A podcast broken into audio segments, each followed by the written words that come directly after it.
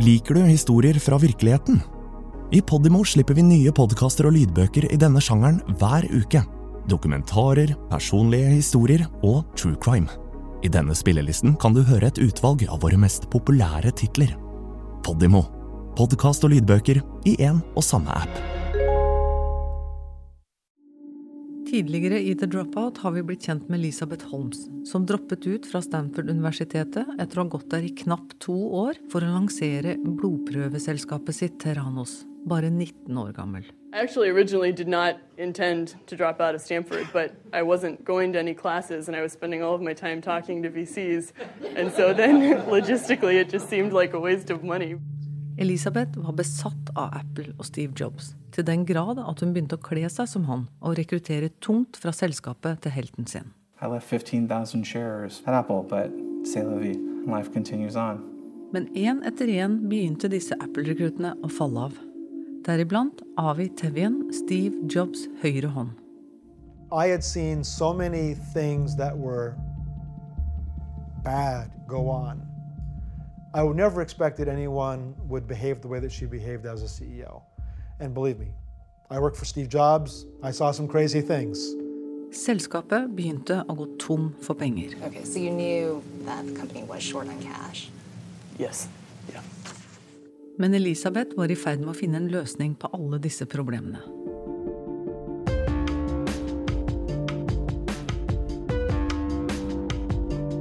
Du lytter til The Dropout, en podkastserie produsert av Podimo i samarbeid med Disney. Episode to Håndheveren. When did Sunny Balwani join the company? I, I thought in about September of 2009 or August of 2009. That's from memory. Elisabeth Holmes som uttaler seg om en av sine ansatte, Sunny Balwani, under en høring sommeren 2017. I 2009 befant hun seg i en krevende situasjon. Selskapet hennes hadde nå eksistert i fem år. Hun hadde et kontor, flere ansatte, til tross for at mange av Apple-rekruttene hadde forlatt selskapet. Og hun hadde en stor oppgave foran seg. Hun manglet pengene til å gjennomføre den. Hun sier at hun på dette tidspunktet vurderte å gå ut for å skaffe seg en økning av selskapets egenkapital. Få nye investorer til å kjøpe seg inn i selskapet. Problemet var bare timingen.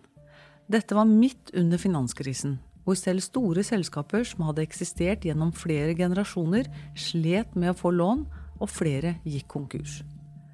Men til forskjell fra så mange andre hadde Elisabeth et S i ermet. En hvit ridder med dype lommer. Sunny Balvani. So, uh, company was low on the cash, and, and company was trying to do uh, was paramount. Uh, so, I um, offered to help the company, uh, and I ended up giving a 13 million dollar personal loan, and um, it was interest free. It was a good faith loan. Ramish Balvani, eller Sunny som er navnet han går under, er en tidligere programvaresjef som solgte selskapet sitt like før dotcom-bobla sprakk, og tjente millioner av dollar. Han hadde jobbet hos Lotus og Microsoft, og i midten av 2009 ble han en Terranos-ansatt. Seks måneder senere bestemte han seg for at dette var et sted han ville være på lang sikt. Noe styret stilte seg bak og ga ham tittelen COO, eller driftsdirektør, i Terranos uten at han egentlig hadde de nødvendige kvalifikasjonene til å fylle stillingen. Dette bekrefter Elisabeth Holmes under vitneforklaringen i 2017. And did he have any qualifications in the lab testing business? He did not. Or in pathology or anything like that? Not to my knowledge. Sunny begynner i jobben sin og møter på Terranos-kontoret hver dag. På lik linje med Elisabeth har Sunny også sin form for uniform. En hvit, kneppet skjorte, jeans og dyre loafers. Han luktet alltid parfyme og ble etter hvert kjent for sin prangende smak. Sunny kjørte to biler, begge med egendefinerte skilter. En svart Lamborghini med skiltet Vidi Vici, som i Veni Vidi Vici, en referanse til Julius Cæsar sitt 'Jeg kom, jeg så, jeg erobret', og en Porsche 911 med skilter som hyllet Karl Marx' antikapitalistiske manifest Das Kapital. Han var en slående figur på kontoret, men tilstedeværelsen hans forvirret mange av de ansatte, som eksempel Michael Craig, en senior programvareingeniør. I always wondered why he was there. you know, if she was actually had this this held this vision of really impacting the world, I was like, why did she pick him then? Michael rapporterte direkte til Sunny og beskriver ham som kortfattet og med tydelig temperament. Han opplevde at Sunny hadde behov for å hevde seg, og at det kanskje ikke var noe særlig dybde å spore i ham. Som et eksempel drar han frem en historie fra en firmafest hvor Michael fikk se noen samuraisverd hengende på kontoret til Sunny. Michael er en nysgjerrig type som interesserer seg for mye forskjellig. Han spør derfor Sunny om disse sverdene for å lære mer om dem. Svaret han fikk da, var noe sånt som nei, det er bare noe greier. Altså, han hadde bare hengt opp dem som et tilfeldig objekt på veggen, uten at det lå en historie eller bevissthet bak valget. Michael opplevde det som et behov for å bevise noe eller heve seg over verden rundt seg. Sunny ble den viktigste personen i selskapet etter Elisabeth. De ansatte kan huske at de ofte så de to holde møter på kontoret med de store vinduene i enden av korridoren. De var et tag-team Elisabeth med fokus på styret og ideer for det store bildet, men Sunny, til tross for sin manglende vitenskapelige erfaring, hadde ansvaret for de ansatte, drift og Terranos samarbeidspartnere. Elisabeth forteller om hvordan denne dynamikken fungerte i praksis. I would generally do the, the first meeting or two and talk about the vision, and then he would follow up on any questions that they had from a diligence perspective and um, provide them with that information. Og Sunny var ikke redd for å involvere seg på laboratoriet. Igjen, han hadde ingen formell vitenskapelig trening, men han gikk inn, brettet opp armene på den hvite skjorten sin og startet arbeidet. Uh, when there was shortage of people on weekends, and I would say, okay, train me, I'll do it. And, and you learned how to do all that? Yes. Okay. Life in a startup, right? Sunny var hardtarbeidende, men de ansatte sier at han også fikk rykte på seg for å være en bølle, med en truende tilstedeværelse. En av den som jobbet for han, Erica Chung, beskriver han som ganske hyggelig i utgangspunktet, men at han like etter kunne være skikkelig opprørt over ulike ting i e-poster. Og si ting som at dette er uakseptabelt, eller dere vet ikke hva dere driver med. At han smelte tilbake og ga skylden til andre for hvordan det gikk. At han alltid var misfornøyd med både hva og hvordan ting ble gjort. Det kom til et punkt hvor det nesten var vanskelig å jobbe for han, fordi han alltid ble så sur og opprørt og ikke kunne så mye om medisinske diagnoser eller vitenskap. Han sa derfor ofte ting som bare var upassende. Det ble veldig klart for de ulike avdelingene at han ikke helt forsto hva som foregikk. Tyler Schultz, en annen kollega av Erika, sier Sunny etter hvert fikk et kallenavn på kontoret. The Enforcer. Håndheveren på norsk. It was just like pretty well known that Sunny was kind of the enforcer. The enforcer of what? Of kind of like the, these like intimidation tactics, I guess. Men én etter én begynte disse Apple-rekruttene å falle av, deriblant Avi Tevian, Steve Jobs' høyre hånd. Just like, you know, asking me to do something out of the blue and then looking at whatever I did, which, you know, generally speaking, I poured my heart into, and then be like, oh, this is not at all what I asked for, you know, and like, you're like, what? Han legger til at Sunny også kjeftet høylytt på folk. En oppførsel og lederstil selv Elisabeth ønsket å distansere seg fra, også under ed. Her fra vitneforklaringen i 2017. Were there areas in which you disagreed? Yes. What were those areas? We, we disagreed all the time about a lot of things. Um, we're, we've, we're very different uh, leadership styles. Så hva var det som gjorde at denne millionæren med så lite relevant erfaring fikk bli i selskapet og skape bølger i en så viktig rolle? Det er én detalj Elisabeth ikke akkurat delte, som kan forklare det hele. Were you and Sunny Balwani ever engaged in a romantic relationship? Yes. When? Over a long period of time. Did you live together? We did. Did you ever tell investors that you and Mr. Balwani had a romantic relationship at the time that you were um, asking them to invest in Theranos? No. De var i et romantisk forhold og bodde sammen over en lengre periode, uten å informere investorene sine om det. Elisabeth, nesten 20 år yngre enn Sunny, var altså ikke bare sjefen, men også kjæresten hans. Når ansatte i Tyrannos, som Michael Craig, får høre om dette, skjønner han ingenting. De så dem aldri flørte eller sitte i samme bil. Ifølge Michael var hun generelt veldig stoisk, som en munk, og viste ingen tegn til at det var noe romantikk dem imellom. Wall Street Journal-journalist John Carreyrou mener hemmeligholdet absolutt var et bevisst valg. John er forfatter av boken Bad Blood Secrets and Lies in a Silicon Valley Startup og har dekket Terranos over mange år. Han var også forbløffet over denne vendingen i historien. Da han fikk høre om det i en lengre samtale med lab-direktøren, ble han lamslått. Well, one of the, the first things uh, that uh, you know sort of raised my eyebrows was when I had my first uh, long conversation with uh, the lab director, and he told me that uh, Sunny and Elizabeth were an item, and I was stunned by that. Faktisk ble privatlivet til Elisabeth fremstilt i mediene som så å si ikke-eksisterende, noe moren hennes åpent bekymret seg over i en New Yorker-artikkel. I den samme artikkelen ble det sagt av Henry Kissinger en av Terranos styremedlemmer at det hadde blitt foreslått å sette Elisabeth opp på noen dater. I virkeligheten var Elisabeth og Sunny absolutt et par.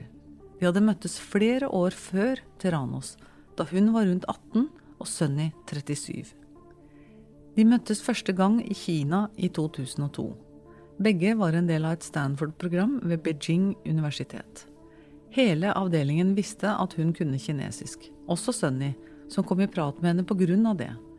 Etter dette møtet holdt de kontakten, og Elisabeths bror Christian kan huske at hun snakket om Sunny, og at de hadde et vennskap da hun kom tilbake fra Kina. I don't know how you would qualify romantic versus personal, but um, China. Dette vennskapet utviklet seg etter hvert til noe mer. Ifølge offentlige registre delte Sunny og Elisabeth på et tidspunkt bolig i Channing Avenue i Palo Alto, omtrent 6,5 km fra Tyrannos-kontoret. På kontoret jobbet de lange dager sammen, og i 2010, da skulle de gå etter sitt største samarbeid så langt.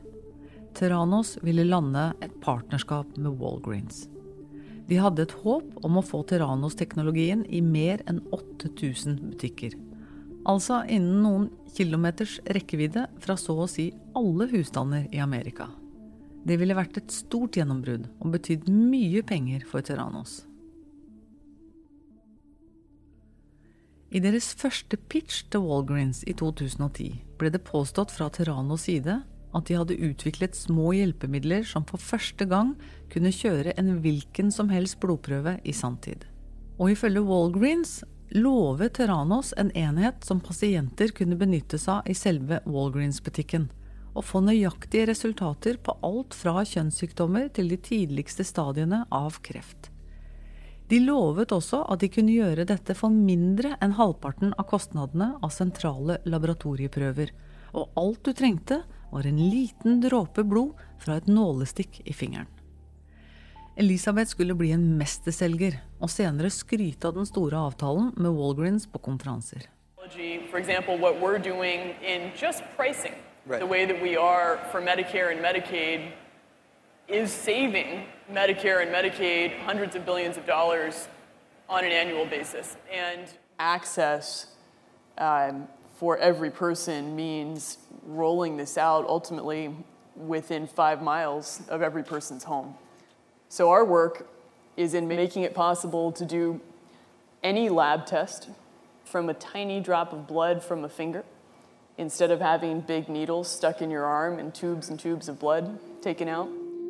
22. mars 2010.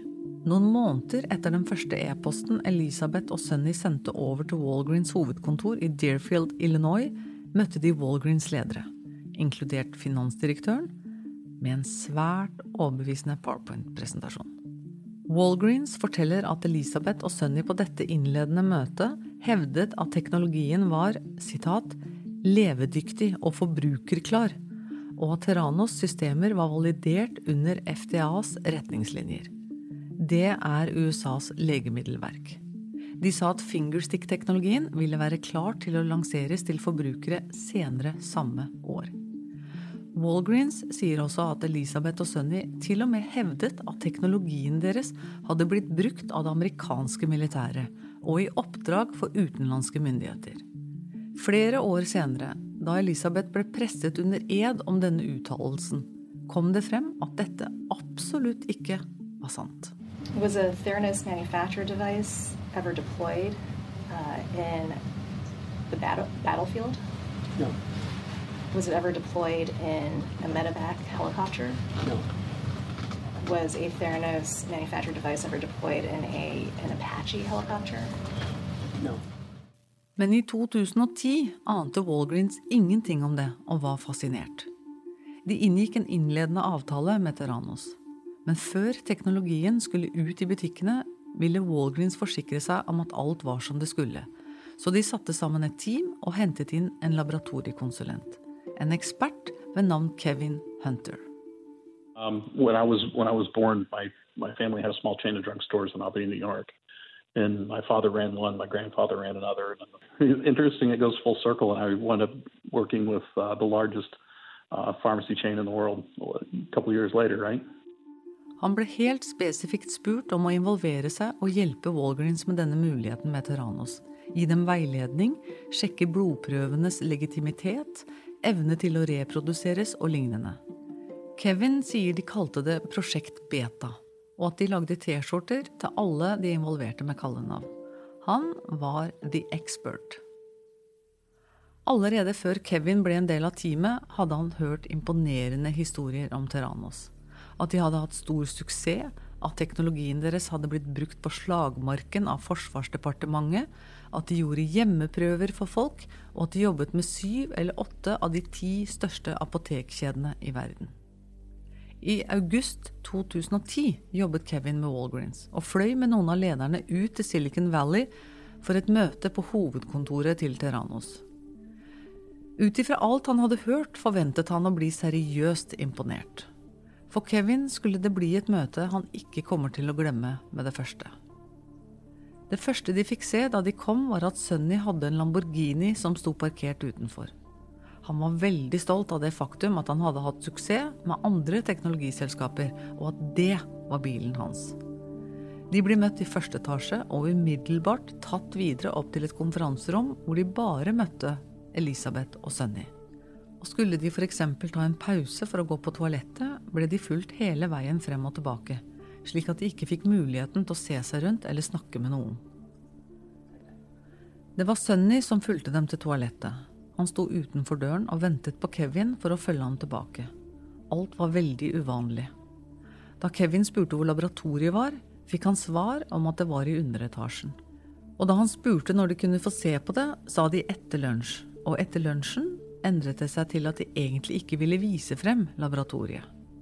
Kevin spurte gjentatte ganger om han kunne snakke med en overlege, en forsker som jobbet med prøveutviklingen eller lignende, og fikk til svar at de ville holde samtalene på et høyere nivå og ikke involvere noen andre ennå. Kevin forteller videre at han spurte om flere ting i dette møtet. Eksempel spurte han om han kunne ta en Terranos blodprøve der og da, og at de etterpå kunne ta en vanlig blodprøve hos Stanford for å sammenligne resultatene. Det ble han nektet. Da han spurte Elisabeth om hvorfor, sa hun at det var fordi hun ikke stolte på resultatet til Stanford-prøvene. Noe Kevin opplevde som en veldig ironisk uttalelse, ettersom det ble sagt av Elisabeth, som har høye tanker om universitetet hun droppet ut av. Ifølge Kevin føltes hele møtet som flere store unnamanøvrere på løpende bånd. Men når det kom til pomp og prakt, viste Elisabeth og Sunny hvordan de skulle gi en god forestilling. Etter besøket i laboratoriet, som aldri ble noe av, dro de videre ut for å spise en middag, som også var litt rar. Det var rundt klokken tre på ettermiddagen, og de fikk ikke sitte på eller kjøre bak dem til stedet. De skulle møtes der, og spise på et bakrom i restauranten. Det var ingen andre der, men de skulle likevel møtes på baksiden. Elisabeth bestilte sin standard grønne proteinshake, og Sunny bestilte sushi. De fikk ikke lov til å referere til hverandre ved navn, til tross for at Sunny hadde ankommet i Lamborghinien sin. Så hvis poenget var at ingen skulle vite hvem de var, eller at de var der, hang det ikke helt på greip. For alle de merkelige tingene Kevin la merke til, dukket opp nye spørsmål. Han ville vite nøyaktig hvordan Terranos planla å kjøre alle disse blodprøvene. Hei! Har du lyst til å høre mer som denne podkasten, men helt reklamefritt? Da vil jeg anbefale deg å laste ned Podimo-appen for en gratis prøveperiode. Ikke bare finner du kvalitetspodkaster innen alle sjangere, men også flere av de mest populære lydbøkene. Alt sammen i Podimo-appen. Walgreens hadde tro på at Ranos enhet skulle være i stand til å gjøre det de hadde blitt lovet. Den skulle gjøre nøyaktige blodprøver med bare én dråpe, og i et av Kevins dokumenter står det at den skulle kunne kjøre 250 slike blodprøver. Det ble de lovet per brev allerede i august 2010. Men basert på det han hadde observert på møtet med Elisabeth og Sunny, så han ingenting som ga kredibilitet til dette eller antydet at enheten kunne gjøre noe som helst. Yeah, I mean, on my desk sat one of the Edison instruments, one of the early instruments, because we bugged them forever to send us an instrument so where we could, you know, we could run tests on it and those types of things. And I begged, I begged them to let me crack it open and take a look and see what was going on inside the instrument. And you know, it, it was like a computer. It had the little tape on the, the tamper-evident tape on the back. And um, and they just didn't want to do that. And it would run for a little while and then have an error and shut down or something. I never got it to do anything that I could, that turned out a, a, a test result that could be correlated with anything. The, the deception was incredible. At Elisabeth og Sunny hevdet at den kunne kjøre blodprøver med bare én dråpe blod, var en fullstendig farse. Kevin utfordret dem på det, og sa at de kunne late som den fungerte inntil de faktisk fikk den til å fungere. Sånn er det i startup-miljøet til en viss grad. Men når det er snakk om å kjøre tester på mennesker, som tar livsviktige avgjørelser basert på resultatet, måtte de sørge for at det faktisk stemte. Men det var ikke Elisabeth og Sunny spesielt opptatt av. Kevin sa at han ikke synes Walgreens burde jobbe med Terranos, og et øyeblikk så det ut til at avtalen var død men plutselig sier han at den var i gang igjen. Elisabeth hadde overbevist Walgreens om å holde på den. Kevin forklarer denne situasjonen med at det bare var et av de tilfellene hvor man virkelig tror og håper at det skal fungere. Til den grad at Walgreens holdt på avtalen. Håpet deres var at de skulle utkonkurrere Quest og Labcore, som er de virkelig store gigantene innen laboratorieindustri. Igjen, av og til så er ønsket så sterkt om at noe skal være ekte, at man er villig til å ta folk på ordet for det. En bisarr situasjon. Til tross for hva Kevin kaller omfattende advarsler, gikk altså Walgreens videre med avtalen. Det gjorde ham nervøs, og han ville komme seg ut av det. Han følte at det på et eller annet tidspunkt kunne gjøre han til en medskyldig part hvis det kom ut at han hadde brukt halvannet år på å jobbe med prosjektet. Han var nær ved å fortsette å godkjenne det, men kom frem til at han kunne ikke være med på det og skade ryktet sitt. Da Elisabeth begynte å få masse publisitet noen år etter at Kevin forlot prosjektet, begynte selv kona hans å lure på om instinktene hans var feil. Det var tidlig i 2013, da Elisabeth begynte å dukke opp på magasinforsider, at kona lurte på om han ikke bare denne ene gangen kunne innrømme at han tok feil. Det ville ikke Kevin. Han sa han ville gå i graven sin, vel vitende om at dette ikke var lovlig. Og han mente bestemt at en dag, kanskje ikke i morgen, eller neste uke, eller neste år, men en dag, så ville sannheten komme ut. Og det gjorde den etter hvert, men det skulle ta flere år.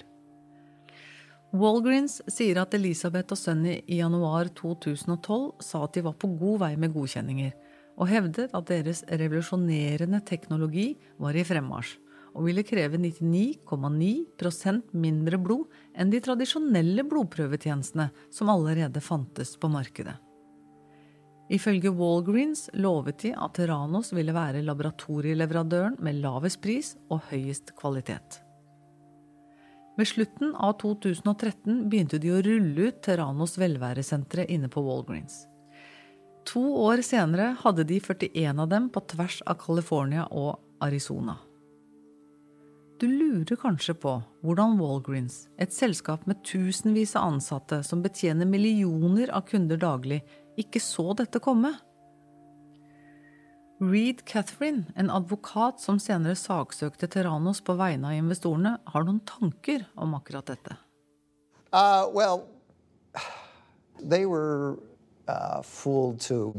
They had executives that had their blood in rooms with the machines sitting there by their side, and they'd have their blood tested, and then they'd go off and have lunch. And uh, in the background, there were a few tests that they could run uh, one at a time on a Theranos machine. But they, but they basically made it look like it was being run on this machine in the room, but they were actually doing it by hand in the lab. Um, and so the, Wal- the Walgreens people got those results and um, thought, wow, this works. Tyler Schultz, en ansatt hos Terranos, sier mange på innsiden av selskapet så denne oppførselen. Det var til og med vitser om det. Under demonstrasjoner kunne de f.eks. tulle med at det var en hanske på innsiden av enheten som tok imot prøven, og tok den med seg for å kjøre den en annen plass, fordi de visste at demon ikke ville fungere. Det var en ganske vanlig vits. Faktisk var det slik, allerede før Walgreens-avtalen kom på plass, at det var eksperter på innsiden av Terranos som visste at noe var galt, og ble forbløffet over Elisabeths påstander. Eksperter som Ian Gibbons. Han fikk tittelen sjefsforsker hos Terranos i 2005. En ekstremt smart fyr med en haug av Cambridge-grader og nesten 200 patenter til navnet sitt. Høy, med blå øyne og rødlig hår med en raffinert engelsk aksent og stil. Ian ble anbefalt av Channing Robertson, Elisabeths største supporter, tidligere Stanford-professor og styremedlem i Terranos. Ian og Channing hadde jobbet sammen i mange år. Først i de tidligere årene til selskapet Biotrack, deretter tett sammen i Terranos. Ians kone, Rochelle Gibbons, hørte om Terranos for første gang i 2002, da Ian begynte å konsultere for Channing Robertson. Hun er i starten av 70-årene med brunt, krøllete hår. Hun er lavmælt, men trygg på seg selv. Rochelle sier at Ians jobb var å få Terranos-teknologien til å faktisk fungere. Ingen enkel oppgave. Rochelle, som selv er forsker så vel som patentadvokat, sier at mannen hennes i starten var bekymret pga. det hemmelighetsfulle miljøet i Terranos. Elizabeth was isolating him. Prob- probably everyone else too, but he didn't know that. He, most scientists are really social, and they can't wait to t- when you get a good result. You you're all over the place with it. Uh, You know, you want everyone to know, and there was none of that at, at Theranos. Rochelle sier at Ian visste at teknologien ikke fungerte da de skulle til å gå inn i samarbeidet med Walgreens. Enhetene ga rett og slett ikke nøyaktige resultater. Da Elisabeth snakket om hvordan hun forbedret den daværende teknologien, kunne de ikke skjønne hvilken teknologi hun egentlig snakket om. Hun solgte kanskje et fullstendig produkt, sier Rochelle, men pitchen hennes var mer fantasi enn virkelighet. Likevel gikk Ian på jobb hver dag for å prøve å få det til å fungere, mens Elisabeth ofte var ute for å selge produktet sitt til investorer, markedsførere og styremedlemmer. Rochelle forteller at jo mer Ian så av dette, jo mer tenkte han at selskapet feilrepresenterte seg og begikk svindel i hans øyne. Ian følte at menneskeliv sto på spill, på lik linje med hans vitenskapelige integritet. Han var derfor dypt fortvilet og gikk for å snakke med Channing i fortrolighet. Channing tok dette videre til Elisabeth, og Ian fikk sparken på flekken. Merkelig nok fikk han jobben tilbake igjen nesten umiddelbart, men han ble degradert og tok det tungt. Jobben hans var nå å evaluere CV-ene og intervjue folk som kom til selskapet, noe han hatet å gjøre. Uh, what she had him doing um, was evaluating people, people's CVs that came into the company, and he hated that. Interviewing people. Yeah, that's not what a scientist, a director of assay development does. And that was true of other scientists. One of uh, the scientists, who is no longer there, was in charge of building maintenance. This was a scientist, senior level scientist.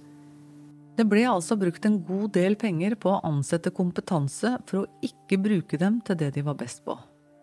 Hva var tankegangen til Elisabeth her? Ifølge Rochelle dreide det seg om å skape et fint utstillingsvindu. Ian ble vist frem på nettsiden deres. Han hadde et godt rykte på seg, og Elisabeth trengte den vitenskapelige kredibiliteten han kunne bidra med. Det var en annen ting som også plaget Ian på dette tidspunktet. Mens alt dette foregikk, sto Terranos midt i et stort patentsøksmål.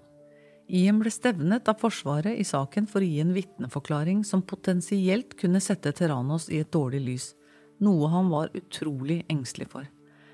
Det var vanskelig å forestille seg hvordan han skulle gjøre det. Enten kunne han forsvare selskapet han jobbet for, eller åpent innrømme at teknologien ikke fungerte. Til Rochelle fortalte han at han ikke stolte på Elisabeth, rett og slett fordi hun var en patologisk løgner. Han ville virkelig ikke gi en vitneforklaring slik situasjonen var. De ville gi ham sparken om han ikke gikk med på selskapets side av saken. Derfor ville heller ikke Terranos at Ian skulle vitne, men han hadde blitt stevnet og måtte derfor stille opp. Helt fra han startet i Terranos hadde det vært vanskelig for Ian. Han hadde en kreftdiagnose og så på muligheten i Terranos som et lysende nytt kapittel. Men Rochelle sier løgnene og oppførselen han så der, satte ham bare lengre og lengre tilbake. Presset før rettssaken og Elisabeths nådeløse skremselstaktikker skjøv ham over kanten, og han begynte å vise tegn til depresjon. Det største problemet hans var at han ikke ville være arbeidsledig, til tross for at han virkelig hatet Terranos. Han var veldig negativ til Elisabeth på dette tidspunktet, og hadde ikke noe godt å si om henne i det hele tatt. Han hatet henne, rett og slett.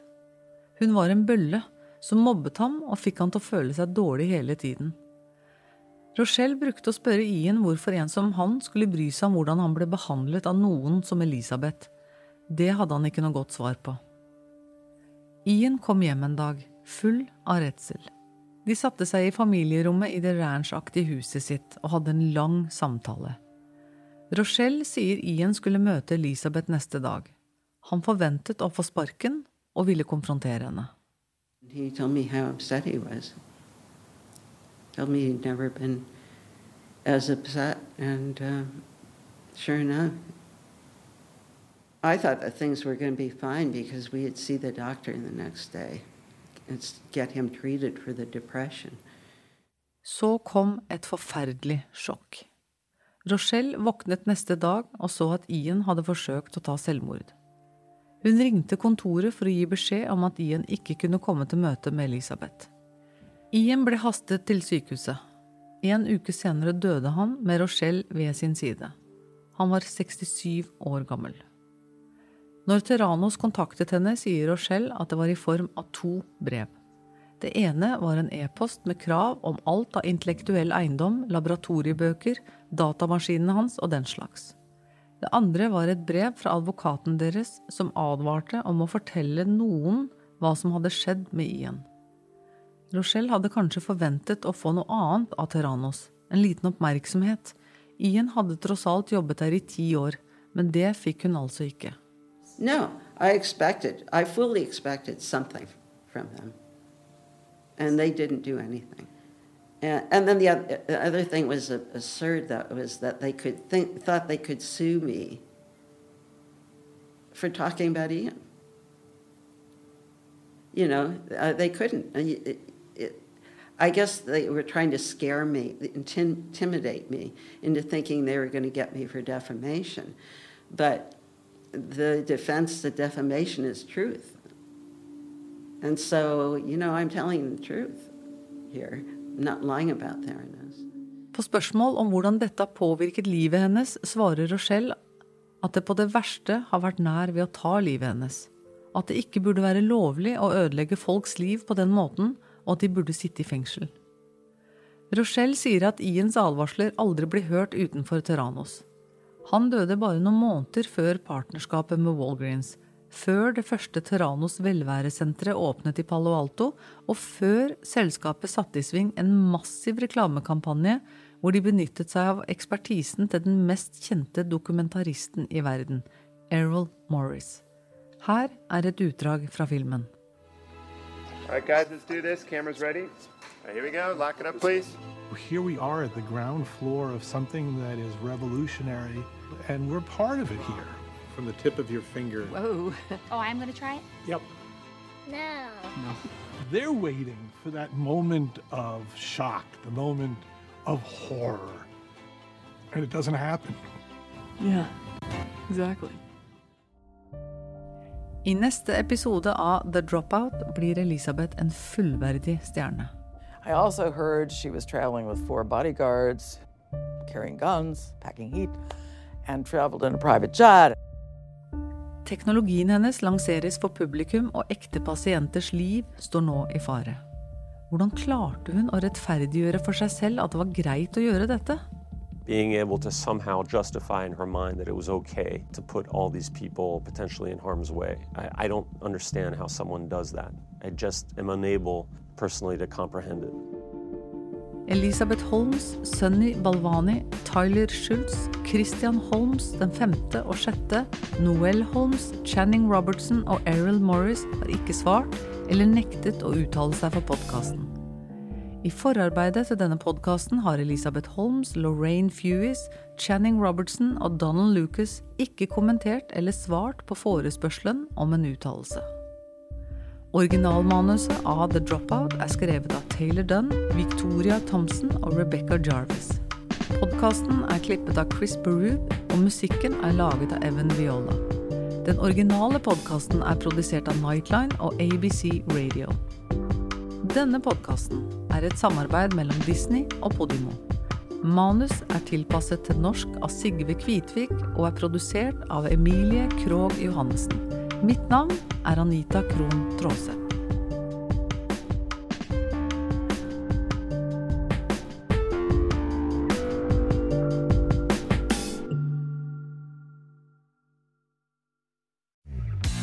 Likte du denne episoden? Så del den, da vel! Fortell en venn hva du hører på, og gi følelsen av god lytting i gave til noen du bryr deg om.